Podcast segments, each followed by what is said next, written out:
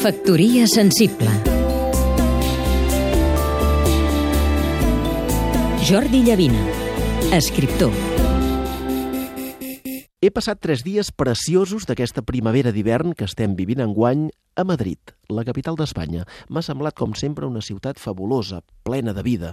I no us ho creureu, la gent pel carrer, a les botigues, al metro, no parla tot el dia de la consulta.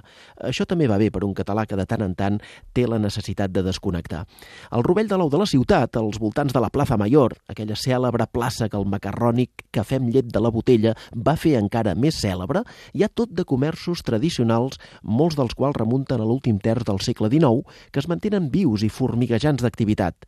Una barberia, una botiga de cordills, una cereria, una tenda de venda de gra a l'engròs, una untuosa confiteria d'aparadors ben acolorits. A Madrid també van arribar fa anys les avorribles franquícies de cafeteries i de bars de tapes, però al costat de tots aquests locals n'hi ha d'altres que han aguantat ferms, centenaris, amb el seu tipisme cridaner perquè han sabut fer de la seva història i del seu pintoresc atapeïment de productes una autèntica virtut. No tinc pas la impressió que Barcelona s'hagi respectat tant aquest fenomen. En general, hem tendit a carregar-nos-ho molt més tot.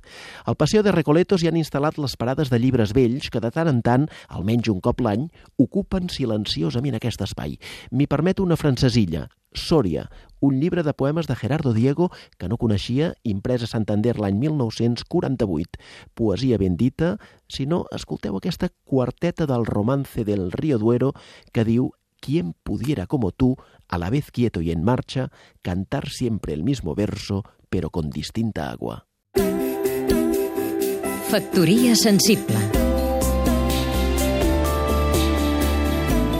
Seguim-nos també a catradio.cat